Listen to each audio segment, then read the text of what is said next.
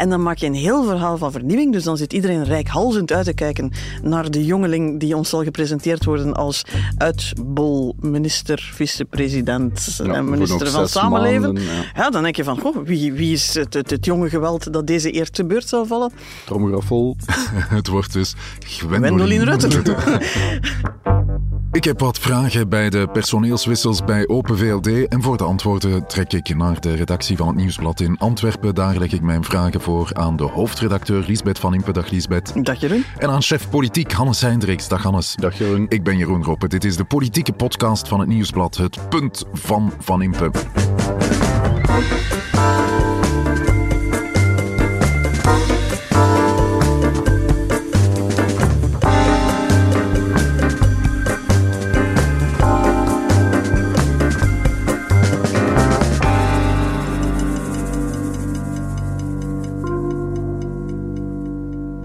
Lisbeth, Hannes, blij jullie terug te zien. We hadden het eh, voor de herfstvakantie vaak over Open VLD, de partij Mhm. van eh, premier De Croo. Ik stel voor dat we dat vandaag ook doen. Ik denk niet meer rond kunnen. Je wil niet weten, Jeroen, hoeveel mensen mij aangeklampt hebben van ik kijk uit naar het punt, want wat er nu gebeurd is, is, Ja. is, is zo spectaculair en toch ook een beetje grotesk, En dat ze hè? niet konden wachten om te weten wat we erover te zeggen hadden. Ja, verrassend en spectaculair nieuws. Bart Somers stapt uit de Vlaamse regering om zich volledig te storten op de gemeentepolitiek.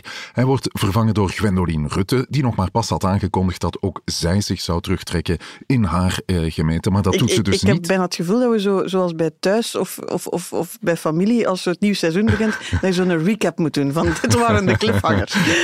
Gwendoline Rutte was weg naar Aarschot om nooit meer terug te komen keren. Ze was, Wel. ze was weg, Lisbeth, naar Aarschot. eh, en toen zei je, ik begrijp, ehm, ik begrijp die keuze wel. Eh, heb je nu ook begrip voor haar keuze om terug te keren? Eh, Ik denk dat je die vraag op het einde, als we alles verteld hebben, dat je die nog eens moet stellen. En dan gaan we kijken of dat we eigenlijk, alles, als we alle uitleggen op elkaar stapelen, of we nog kunnen zeggen, we begrijpen het. Ik denk dat je ieder onderdeeltje kan begrijpen, Ja. maar de optelsom, daar, daar, daar, ja, daar trek je jaar bij uit. Ja, Hannes eh, Rutten komt in de plaats van Bart Somers. Ik las hier en daar dat de drive een beetje weg was eh, bij Bart Somers in de Vlaamse regering. Had jij ook die indruk? Goh, nee, eigenlijk niet, niet hard. Allee, het is niet dat Bart Somers voor de rest zo een heel, heel, heel zichtbare rol heeft gespeeld in die Vlaamse regering. Nu, achter de schermen heeft hij wel zijn, zijn werk gedaan. Maar het kwam voor velen wel als een verrassing dat hij nu op zes maanden voor de, voor de verkiezingen ja, gewoon die, die deur van de Vlaamse regering achter zich dichttrekt en, en naar Mechelen trekt. Ik wil zelfs nog even corrigeren. Het moet altijd een verrassing zijn als een vice-minister-president, dus dan zit je over de top van de regering, zo een paar maanden voor de verkiezingen zegt van goh, ik zou, gelijk, ik zou gelijk wel een keer iets anders gaan doen. Dat moet altijd een verrassing zijn, want dat is eigenlijk niet de bedoeling. Een merkwaardige timing, we hebben het erover. Ik eh, kijk uit naar de scherpe punten van Van Impe. Als je het niet erg vindt, dan drinken we daar een maitrank bij. Dat is een Belgische aperitiefwijn. Ik ben namelijk een paar dagen naar de Ardennen geweest en daar maken ze deze Reine des Bois, een wijn uit Libram, op een nieuw punt van Van Impe. Het leven is onvoorspelbaar, politiek is onvoorspelbaar. En eh, ik was een paar weken geleden ontgoocheld. Dat was een moeilijk moment, omdat ik voor mezelf vond dat ik niet langer impact kon hebben in de politiek. En daarom eh, de keuze had gemaakt om eh, iets anders te gaan doen met mijn leven eh, naast burgemeester zijn van Aarschot. Gwendoline Rutte volgt dus Bart Somers op als Vlaams minister van eh, Binnenlands Bestuur en als eh, vice-minister-president van eh, Vlaanderen. Ja, het begon allemaal bij het verrassende ontslag van Bart Somers. Wat zat daar nu eigenlijk achter, Lisbeth? Wel, je hebt altijd dan een officiële verklaring, een officieel statement, in dit geval op Facebook gepost, dacht Ja. ik. Ehm zijnde van, ik ga terug naar mijn eerste lief. Dat is Mechelen. In het geval van Bart Somers is dat op zich... We weten dat hij een hart heeft voor Mechelen en een hart heeft voor stadsbeleid. Dus eh, dat is een, een rode draad door zijn carrière. Ik denk dat ik de man geïnterviewd heb toen hij een jonge politicus was, 2005, 2006. We hadden zo'n interview gedaan. Het was, het was nog voor een andere kant dat ik toen werkte. Eh, interview gedaan en dat kabbelde. En we hadden. Oh, ja, goed, ja, zo'n interview dat je denkt van, ja, het zal wel. En toen begonnen we eigenlijk bijna als een soort van nagedachte, achterafgedachte van Mechelen. En plots, de, de hemel klaarde op. eh, de, de, de, het gezicht ging open, er kwam enthousiasme, er kwamen plannen, er kwam een soort van visie. Ik ben, dat is mij altijd bijgebleven, omdat je dat niet zo vaak hebt in een, in een interview, dat je zo voelt van, oké, hier zit je op hetgene wat iemand wel, it, it's what makes them tick. Dat, dat kan je wel zeggen. Dat allemaal gezegd zijnde. Je bent vice-minister-president in Vlaanderen. En zeven maanden voor de verkiezingen zeg je van uh, salu en de kost. Je hebt dat eigenlijk binnen de partij wat overlegd, maar de rest weet van niks. De regering weet van niks. Je doet dat op het moment dat je uh, een reputatie van bruggenbouwer opgebouwd hebt in het moeilijke dossier van stikstof, waar dat VLD zo'n beetje op de, op de wip zit. Uh, je doet dat eigenlijk voordat daar tot een conclusie gekomen is. En je zegt, ik ga terug naar de stad, die ik wel vier jaar geleden achtergelaten heb, ondanks het feit dat ik toen ook al zei dat ik heel hard van de stad hield. Ja, maar hij zegt dat omdat het uh, gemeenteraadsverkiezingen zijn natuurlijk volgend jaar, maar eerst zijn er parlementsverkiezingen. En de kans dat er al een nieuwe regering is tegen de gemeenteraadsverkiezingen, die is klein en je kan moeilijk dubbellopen, zegt hij. Dat zou niet correct zijn. Wat vind je van die uh, uitleg? Ja, ik zou niet weten waarom je niet... Heel dit land loopt dubbel. Ja, inderdaad. ja, en bij, bij de liberalen zijn het bijna allemaal parlementsleden en tegelijkertijd ook burgemeesters. En ja, bon, ik heb het aan Somers eh, zelf gevraagd op de persconferentie ook. Eh, hij wil voor vernieuwing kiezen, maar hij blijft zelf wel ook nog in het parlement zetelen. Dus die twee gaat hij wel, wel, wel combineren, cumuleren. Ja, dat, dus, daar kan je ook plaats maken hè, voor ja, nieuw talent. Voilà, inderdaad. Als je dan toch voor Dus dat dubbellopen, dat is uh, geen goed excuus. Maar ze lopen allemaal dubbel. Ze zeggen allemaal dat dat zo belangrijk is als, als burgemeester. Zou het te maken kunnen hebben met de peiling in het uh, nieuwsblad onlangs, uh, de peiling in de, de centrumsteden, waaronder Mechelen. We, we willen niet te veel pluimen op onze hoed steken. Maar de andere media vermelden onze ja. peiling en verrassend Bart vaak. Bart Somers heeft er zelf ook wel naar verwezen dat hij wel nog werk aan de winkel heeft in, in Mechelen. Dus het is zo, Bart Somers is wel heel populair in Mechelen. Hij haalt een, persoonlijk wel een heel hoge score. Hè. Dus veel mensen willen hem als, terug als burgemeester. Um, maar als lijst, hij gaat uh, samen in kartel met de Groenen naar de kiezer. Ja. Uh, de vorige keer ook al. Toen hadden ze een absolute meerderheid. En nu in de peiling die wij hebben gedaan, dreigen ze die absolute meerderheid eigenlijk kwijt te gaan spelen. Zelfs vrij spectaculair kwijt ja, te spelen. Ja, inderdaad. Ja. Dus, um, en dus moeten ze op zoek naar coalitiepartners. En dat was en niet zeker zijn als ze de grootste blijven, want dat zijn alle nieuwe regels die net Bart Somers uitgevaardigd heeft. Dat het de grootste partij is die aan zit is, dat de populairste politicus de burgemeester wordt. Dus ja, het was duidelijk toch wel een soort van alarmsignaal van je mag Mechelen ook niet for granted nemen. Ja. Het is niet zomaar binnen en, en ja, je gaat daar toch moeten in, in investeren. Eenzelfde soort redenering die uh, in tweede orde ook bij Vincent van Quickenborne gespeeld heeft. Hè. Die zag dat zijn waarnemend burgemeester eigenlijk vele malen populairder aan het worden was dan hij zelf. Ja, ja van die, Quickenborne die ontslag nam en well, uh, zich dat, ook terugtrok in Ik denk dat toen hij ontslag nam, had hij nog geen punt achter zijn zin gezet. Of hij stond er al op die foto waar dat hij de, de waarnemend burgemeester nog eens in de scherp mee omhelst had. Maar ja, ze is, ze is ja. toch geen burgemeester meer. Ja. Somers wees ook uh, expliciet naar de vernieuwing voor uh, Open VLD. Ja, ik ruim plaats voor de ja. vernieuwing. Kan het dat hij het uh, gewoon goed meent Wat? met zijn partij en dat, daarom plaats wil gaan? Dat is inderdaad het, uh, het tweede argument dat Somers aanhaalt. Hè. Hij, hij, had er twee. Hè. Ik wil terug naar Mechelen en ik wil ruimte maken voor vernieuwing. Um, daar hoor ik wel achter de schermen dat Somers daar wel al, al maanden mee bezig was van ja, misschien moet ik naar, naar Mechelen teruggaan en dan is er wel ruimte om iemand nieuw te laten proeven van het, van het ministerschap. Maar dan komen we aan het tweede luik van het verhaal. Uh, dus hij staat er te zeggen, vernieuwing en die nieuwe generatie, dat zit vol met talent. We moeten echt, ik hoop echt dat de, de moedige keuze gemaakt wordt om dat te doen. Dan denk je van, ze hebben dit toch doorgesproken. Dit is toch afgesproken. Als ja. je al met zo'n problematisch ontslag uh, zit, dat toch een beetje op vaandelvlucht lijkt. Ja. En dan maak je een heel verhaal van vernieuwing. Dus dan zit iedereen rijkhalzend uit te kijken naar de jongeling die ons zal gepresenteerd worden als uitbol minister, vicepresident ja, en minister van Samenleven. Maanden, ja. ja. dan denk je van, goh, wie, wie is het, het, het, jonge geweld dat deze eer te beurt zal vallen? Tromgeroffel. het wordt dus Gwendoline. Rutte. en allee, ja, ageism is lelijk en Gwendoline is ongeveer mijn leeftijd. Dus ik zou niet durven beweren dat men hier een oude vrouw gecatapulteerd heeft naar de hoogste regionen van de Vlaamse regering. Maar nieuw, fris, de, de wilde frisheid van wilde limoenen zit er toch ook niet meer aan. Hè? Dat is, we kennen Gwendoline Rutten, het is expertise, zegt het. Het is ongeveer het enige licht van de zon dat ze niet ontkend hebben. Gwendoline Rutte heeft zelf gezegd, nee, ik ben niet de vernieuwing, ik ben de expertise. En daar ja. ben je ook iets mee. Ja, maar zou het kunnen dat uh, Gwendoline Rutte inderdaad een keuze voor expertise is en dat uh, uh, ja, de Vlaamse regering dat nu eenmaal nodig had? Het was zo'n beetje zoals bij de keuze voor Paul van Tichelt. Daar zei ook iedereen, ja, dat is iemand met het, het juiste profiel, alleen de manier waarop Nadat de ze keuze... eerst naar Chris Lux gebeld had. Ik bedoel, de verhalen bij de VLD moeten we altijd met een korrel zout nemen. Dus opnieuw, ja, Gwendoline Rutten is een uh, ervaren politica. Ze heeft het Vlaams regeerakkoord onderhandeld. Ze kent het stikstofdossier. Allemaal dingen die voor haar pleiten en die van haar waarschijnlijk voor die korte tijd die nog rest potentieel een goede keuze maken. Alleen dat is niet de reden dat ze gekozen is. Dit is... Uh, ja, ik weet niet hoe dat jullie familieruzies bijleggen. Meestal is dat dan met een stukje taart en, en een ongemakkelijke stilte. Bij de VLD maken ze uw minister. Dat is hoe dat ze familieruzies oplossen.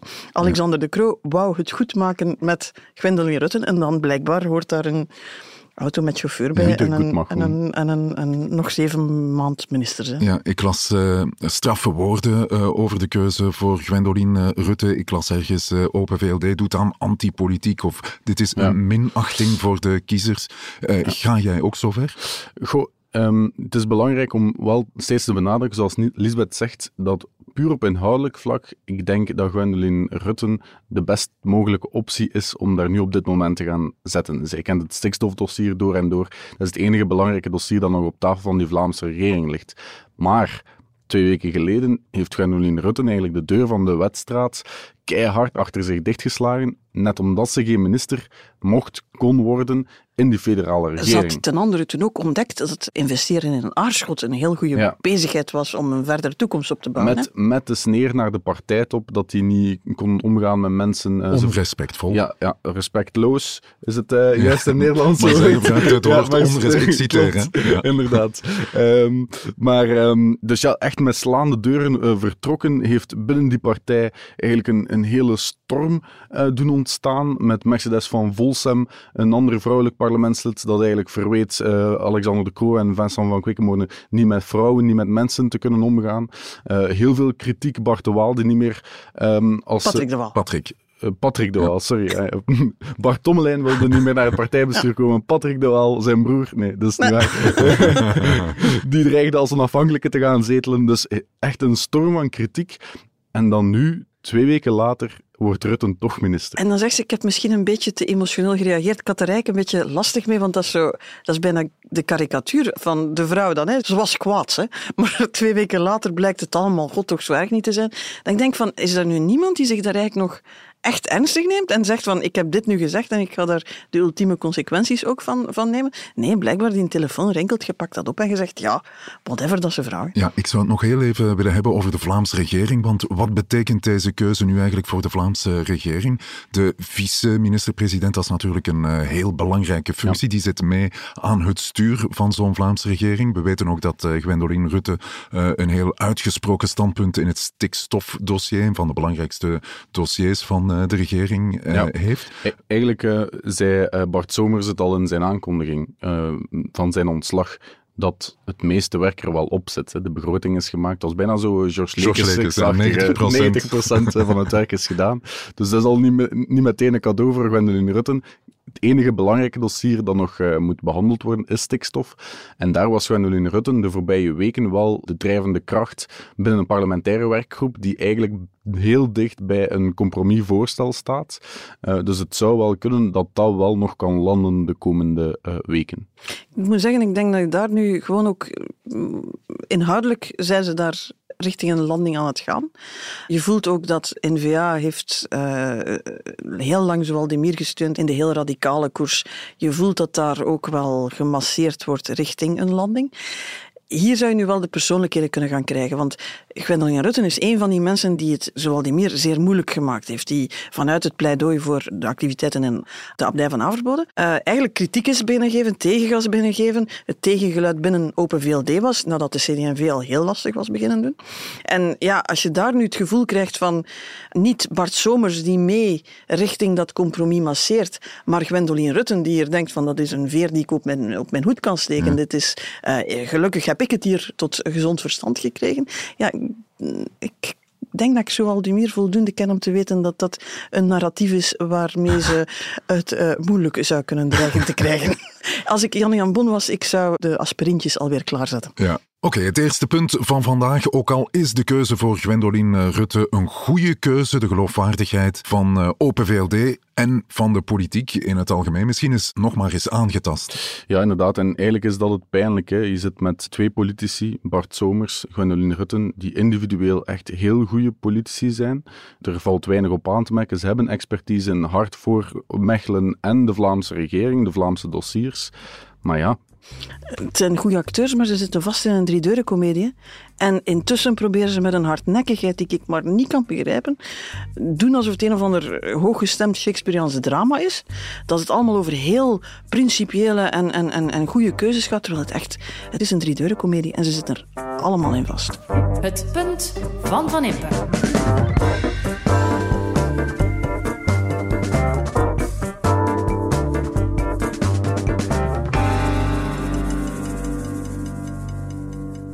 Fundamentele reden waarom ik die keuze maak, is een keuze uit liefde voor mijn stad, voor Mechelen. Ik denk dat uh, voor mij het heel duidelijk is dat ik de volgende jaren, als de Mechelaar dat wil, samen met dit team leiding wil geven aan deze stad. Ik denk dat uh, in tijden van, van onzekerheid, ook van politieke onzekerheid, waar uh, ja, krachten die populistisch zijn, extremistisch zijn, inspelen op angst en onzekerheid, dat net al lokale niveau de houvast kan bieden aan mensen. Bart Somers, een van de hoofdrolspelers, eh, nog eens. Hij neemt dus ontslag als eh, vice-minister, president en minister in de Vlaamse regering en kiest voluit voor zijn stad Mechelen. Je zegt, uh, ja, de manier waarop al die personeelswissels gebeuren, dat is slecht voor het imago van de partij en voor de politiek in het algemeen. Maar zijn de mensen dat nu niet gewoon vergeten over een paar maanden? Dat zou kunnen, maar je zit met een partij die eigenlijk al op een dieptepunt pelt, die nu toch wel voor enige chaos gezorgd heeft, uh, heel moeilijk het beeld gaat kunnen afschudden dat iedereen daar maar, als de aanbieding maar mooi genoeg is, als de flexiejob maar aantrekkelijk genoeg is, dat ze erin stappen. Um, heel veel drama dat dan geen drama blijkt te zijn. Ik denk niet dat ze zich dat helemaal afgeschud krijgen. En Alexander de Croo ging, ging, een stuk van zijn campagne als ik ben de premier.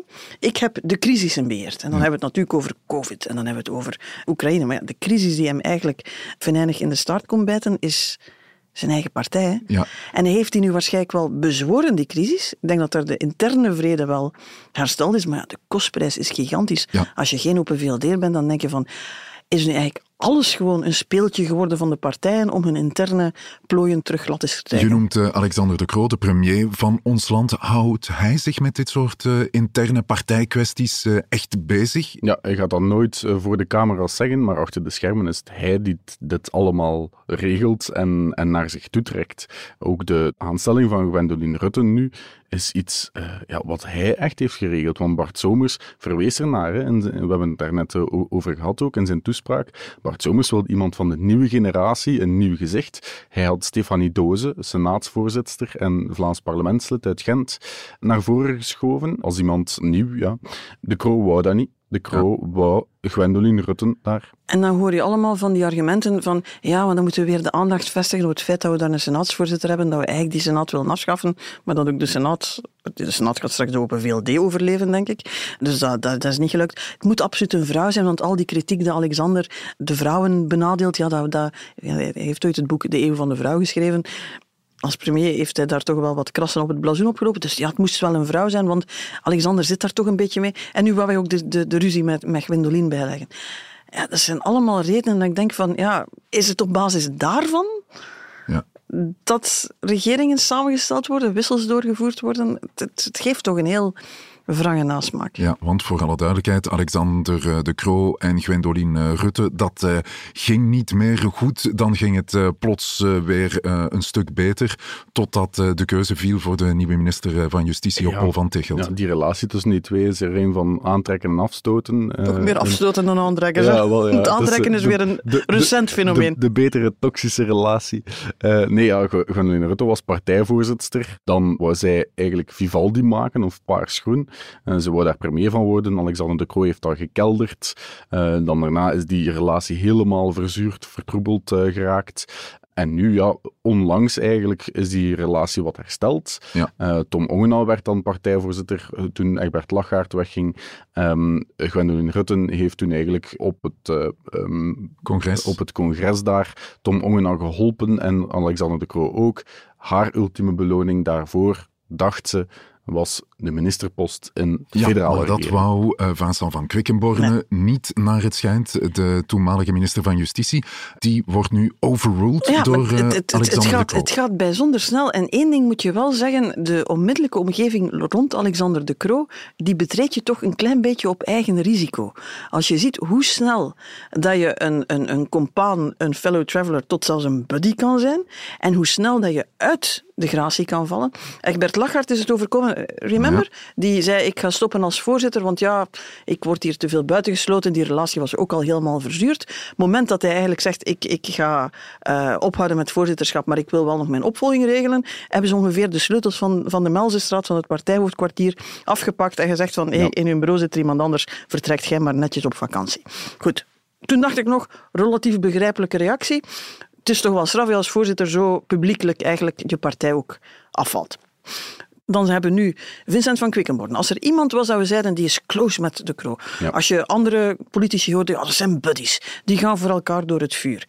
Intussen zie je al van, ja, heel dat, die, die benoeming van Van Tichelt, daar trekt de Croo al een beetje zijn handen af. Dat gaat in hele kleine zinnetjes die je in kranten ziet opduiken, die natuurlijk niet rechtstreeks van de Croo komen, maar ja, dat hij toch heel hard bezig was met het redden van de regering na de veiligheidscrisis en dat er toch een aantal inschattingsfouten zijn gemaakt en dat dat misschien toch vooral de, de schuld van Vincent was. Wat horen we nu?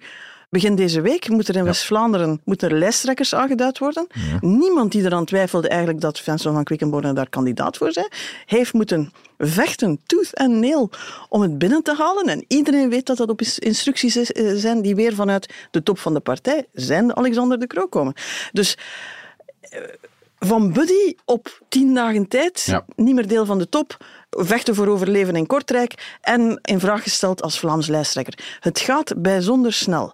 Uh, Bart Somers, ja, hetzelfde. Hè? Hij heeft blijkbaar al een tijd doorgesproken van ik, ik zou willen stoppen. Vertrek naar Mechelen. Hij is nauwelijks een 1 10 opgereden. Of ze zijn al bezig met te zeggen, ja, die vernieuwing dat gaan we wel niet doen. Uh, schone speech, Bart, maar uh, gaan we niet doen. Uh, ook al geen deel meer van de partijtop. De partij, ze waren met vier. De Croo van Quickenborne, Ongena, de voorzitter, laten we dat de notulant van de vergadering noemen, en Somers. Ja, de G4 van de We zijn twee VLD. dagen later, er is een G5 en eigenlijk de enige overlap is Alexander de Croo en de notulant uh, Tom Ongena, de nieuwe Jasper Pillen, Stefanie Doze, die moesten een beetje gepacificeerd worden, en Gwendoline Rutten. Dus je kan die mensen zelfs niet rond een tafel zetten zonder dat ze ruzie beginnen te maken. Ik bedoel, er zijn, zitten mensen bij die niet met elkaar spreken, maar dat is gewisseld. En de Ja. enige die daar dus centraal zit, is Alexander de Croo. Tweede punt van vandaag. De machtsverhoudingen binnen Open VLD zijn nu eh, gewijzigd. En eh, de hand in eh, al die eh, personeelswissels die is van Alexander de Croo. Ja, Alexander de Croo eh, doet mee aan het, eh, ik weet niet hoe het hoeveelste seizoen, maar van mooi aan meedogenloos. Hè. Of Succession, of dat is... Maar toch vooral meedogenloos. eh. Iedereen die zo een stapje opzij zet, maar toch met een half been in de partij of de partijtop wil blijven staan, zegt de Croo, ik shot u buiten. Pas op, hè, ook als je kijkt naar die regeringen, is het ook, ja, het, gaat nogal recht door zee. Hè.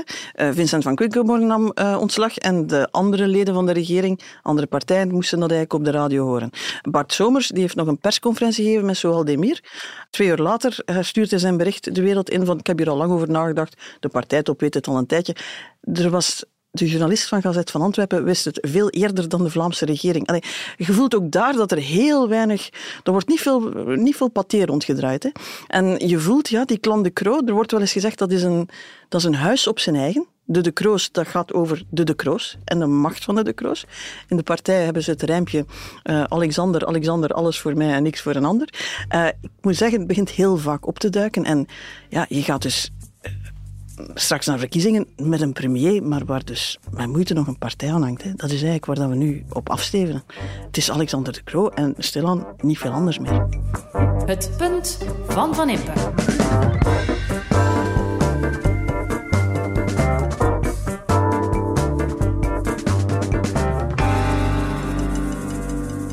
Uw welvaart. Dat wordt de inzet van de verkiezingen in 2024. En daar wil ik het graag met u over hebben. Doorheen de geschiedenis zijn er vier vaste basiswaarheden die een natie tot een economisch succes maken. Vier vuistregels om de welvaart van een land en zijn burgers te beschermen en verder te doen groeien. Bart de Wever, de voorzitter van NVA, pakt uit met een campagne voor Vlaamse welvaart. Dat doet hij met een behoorlijk lange video. Eh, wat vond je van die video, Hannes? Uh, heel kalm, rustig, on Bart de Wevers eigenlijk. Ik had uh, verwacht dat hij weer ging praten over andere politici als in termen van we moeten die een kopje kleiner maken. Ja, het was niet moeten, chargerend, nee, het was niet flitsend. Op, ook op, op, de knieën en een en ander doorslikken, dat soort termen, metaforen, bleef allemaal achterwege. Ja, het was een beetje het, het nieuwe serieus, een beetje saai, stijf. Ja, zeven minuten, dat is tegenwoordig heel lang, want politici hebben geleerd om filmpjes van een minuut en minder te maken. dat is waar ze allemaal heel goed in geworden zijn. Nog eens een heel klassieke setting en uh, voorwaar zelfs programmapunten en dergelijke, ja. inhoudelijke benadering. ja, het is duidelijk dat hij iets wilde doen dat zou opvallen. Waarvan je zou zeggen van, ah, hier gebeurt iets. En het is, het is bij hen de start van een pre-campagne waar ze al behoorlijk wat geld tegenaan smijten. die ze zichtbaar willen maken, ook in, ja. in straatbeeld en op sociale media en noem maar op. Ja, een um, andere toon, minder agressief, een beetje de nieuwe zakelijkheid. Ja. Tot wie richt hij zich hier? Hij ja, schrijft eigenlijk hun economisch programma volledig naar voren. Hè. Dus um, hij spreekt over vier pijlers vier uh, handvaten uh, voor de Vlaamse welvaart. Als ik uh, het goed heb, is dat begroting, innovatie, lagere belastingen en een rechtvaardige sociale zekerheid. In dit geval wat strenger voor ja. degenen die uitkeringen krijgen. Ja, klopt inderdaad. Dus ja, volgens hem gaat de, gaan de verkiezingen over uw portefeuille, uw welvaart. Ja, en daar wil je op... the economy. Ja. It's the economy, stupid. En pas op, we gaan dit nog zien terugkomen, ook bij andere partijen. Ze zijn ook allemaal heel goed naar Nederland aan het kijken. Herinner je het fenomeen Omzicht, Pieter Omtzigt, dat, daar, dat wordt waarschijnlijk de komende weken toch wel eens gaan moeten over hebben, die daar hoog staat in de peilingen. Ik ga hem ook... zien dit weekend. Uh, Jij gaat hem dit, ja, je gaat, je gaat, je gaat, alle, je gaat ongeveer ja. alle lijsttrekkers zien. Hè? Inderdaad. Ja. Uh, we gaan bij de collega's van de Telegraaf gaan zien waar ze op bezoek komen. Um, maar dus je voelt daar, alle partijen zijn daar naar aan het kijken. Dat is een fenomeen in het centrum. Pieter Omtzigt is daar iets aan het uitbouwen in het centrum. En die heeft, daar is het bestaanszekerheid ja. uh, als, als centraal ding. Uh, we weten dat ook vooruit daarmee bezig is. En u zegt ook, uh, NVA, als je in het centrum wilt gaan vissen, dan moet je beginnen over die, die, die, die welvaart, ja. het veiligstellen van die welvaart. Ja. Daar hangen dingen aan als rechtvaardigheidsgevoel rond sociale zekerheid. Daar hangen dingen aan als de huidige Belgische structuur helpt niet. Maar het is geen pleidooi voor confederalisme. Het gaat niet over migratie, het gaat niet over woke, het zijn niet de culture Wars. Het is de portemonnee van de mensen. Ja, want het, hij was nu net zo goed uh, op dreef, Bart de Wever, over uh, woke, uh, met zijn anti-woke discours. Ook confederalisme, dat soort dingen. Gaan we dat nu niet meer horen uit ja, de mond dat denk, van dat de denk, voorzitter? Dat denk ik wel. Het is nog, nog een aantal maanden tot aan de verkiezingen. Er zullen nog ongetwijfeld een aantal dingen opduiken. Um, ook bijvoorbeeld het migratiethema komt sowieso nog terug op de agenda. Dus ja, die, die socio-culturele agenda van de NVA, die gaan we ook sowieso nog, en die communautaire trouwens ook, die gaan we ook nog zien terugkomen. Het is gewoon, ja, Bart de Wever wil het debat nu sturen in de richting van ja, de welvaart, uw portefeuille, allemaal superbelangrijk. En wij hebben daar oplossingen uh, voor. Ja, waar hij ook wil duidelijk maken dat hij daar geloofwaardiger is ja. dan het Vlaams Belang en, en, en, en de andere meer extreme oplossingen. Dus dit is, dit is heel duidelijk je vishengel uitsla, uh, uitslaan in de centrumvijvers. Hè. Uh, kiezers van Open VLD die niet meer weten waar naartoe. CD&V dat aan een kleine remonte bezig lijkt te zijn. Ja, Uh, maar dan vraag ik mij kiezers af, zou je als NVA-voorzitter eh, je niet beter richten tot eh, al die ex-NVA-kiezers die intussen bij de extreme partijen zitten? Ja, maar ik denk dat de les bij NVA net was dat die komen, maar die zijn ook heel rap weer weg. Ja.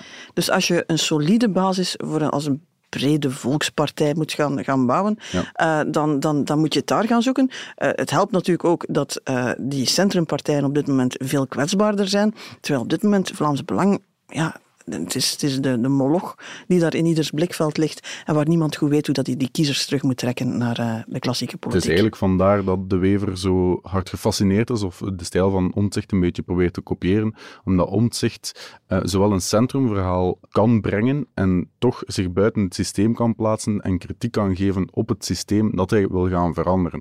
Dat is zo wat, wat dat alle partijen hier als de ultieme droom zien, hè? dat ze als de vernieuwers... Establishment en toch ook niet. Ja, is- inderdaad. Dat, dat ze als de vernieuwers worden aanzien, toch met een centrumverhaal. Ja. Belangrijke kanttekening daarbij natuurlijk is dat in veel eh, mensen hun ogen Bart Wever gewoon het systeem is, terwijl Pieter Omtzigt is. Dat gebeurt wel eens als je twintig jaar systeem. rondloopt en het systeem bent.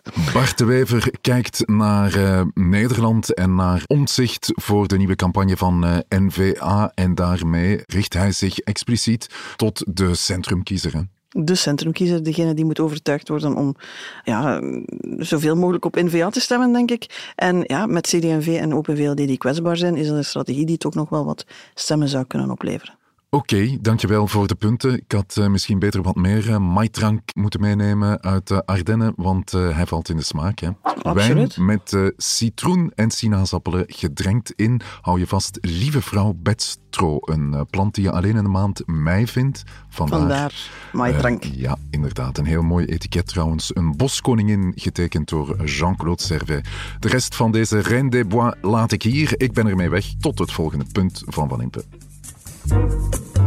Dit was het punt van Van Impe, de politieke podcast van het Nieuwsblad. Je hoorde de stemmen van hoofdredacteur Lisbeth Van Impe, van Hannes Hendricks, chef politiek, en van mezelf, Jeroen Roppe. Dank aan de VRT voor de audioquotes, aan Pieter Schrevens voor de muziek en aan Pieter Santens van House of Media voor de montage. De productie was in handen van Joni Keimolen en Bert Heijvaart. Tot het volgende punt van Van Impe.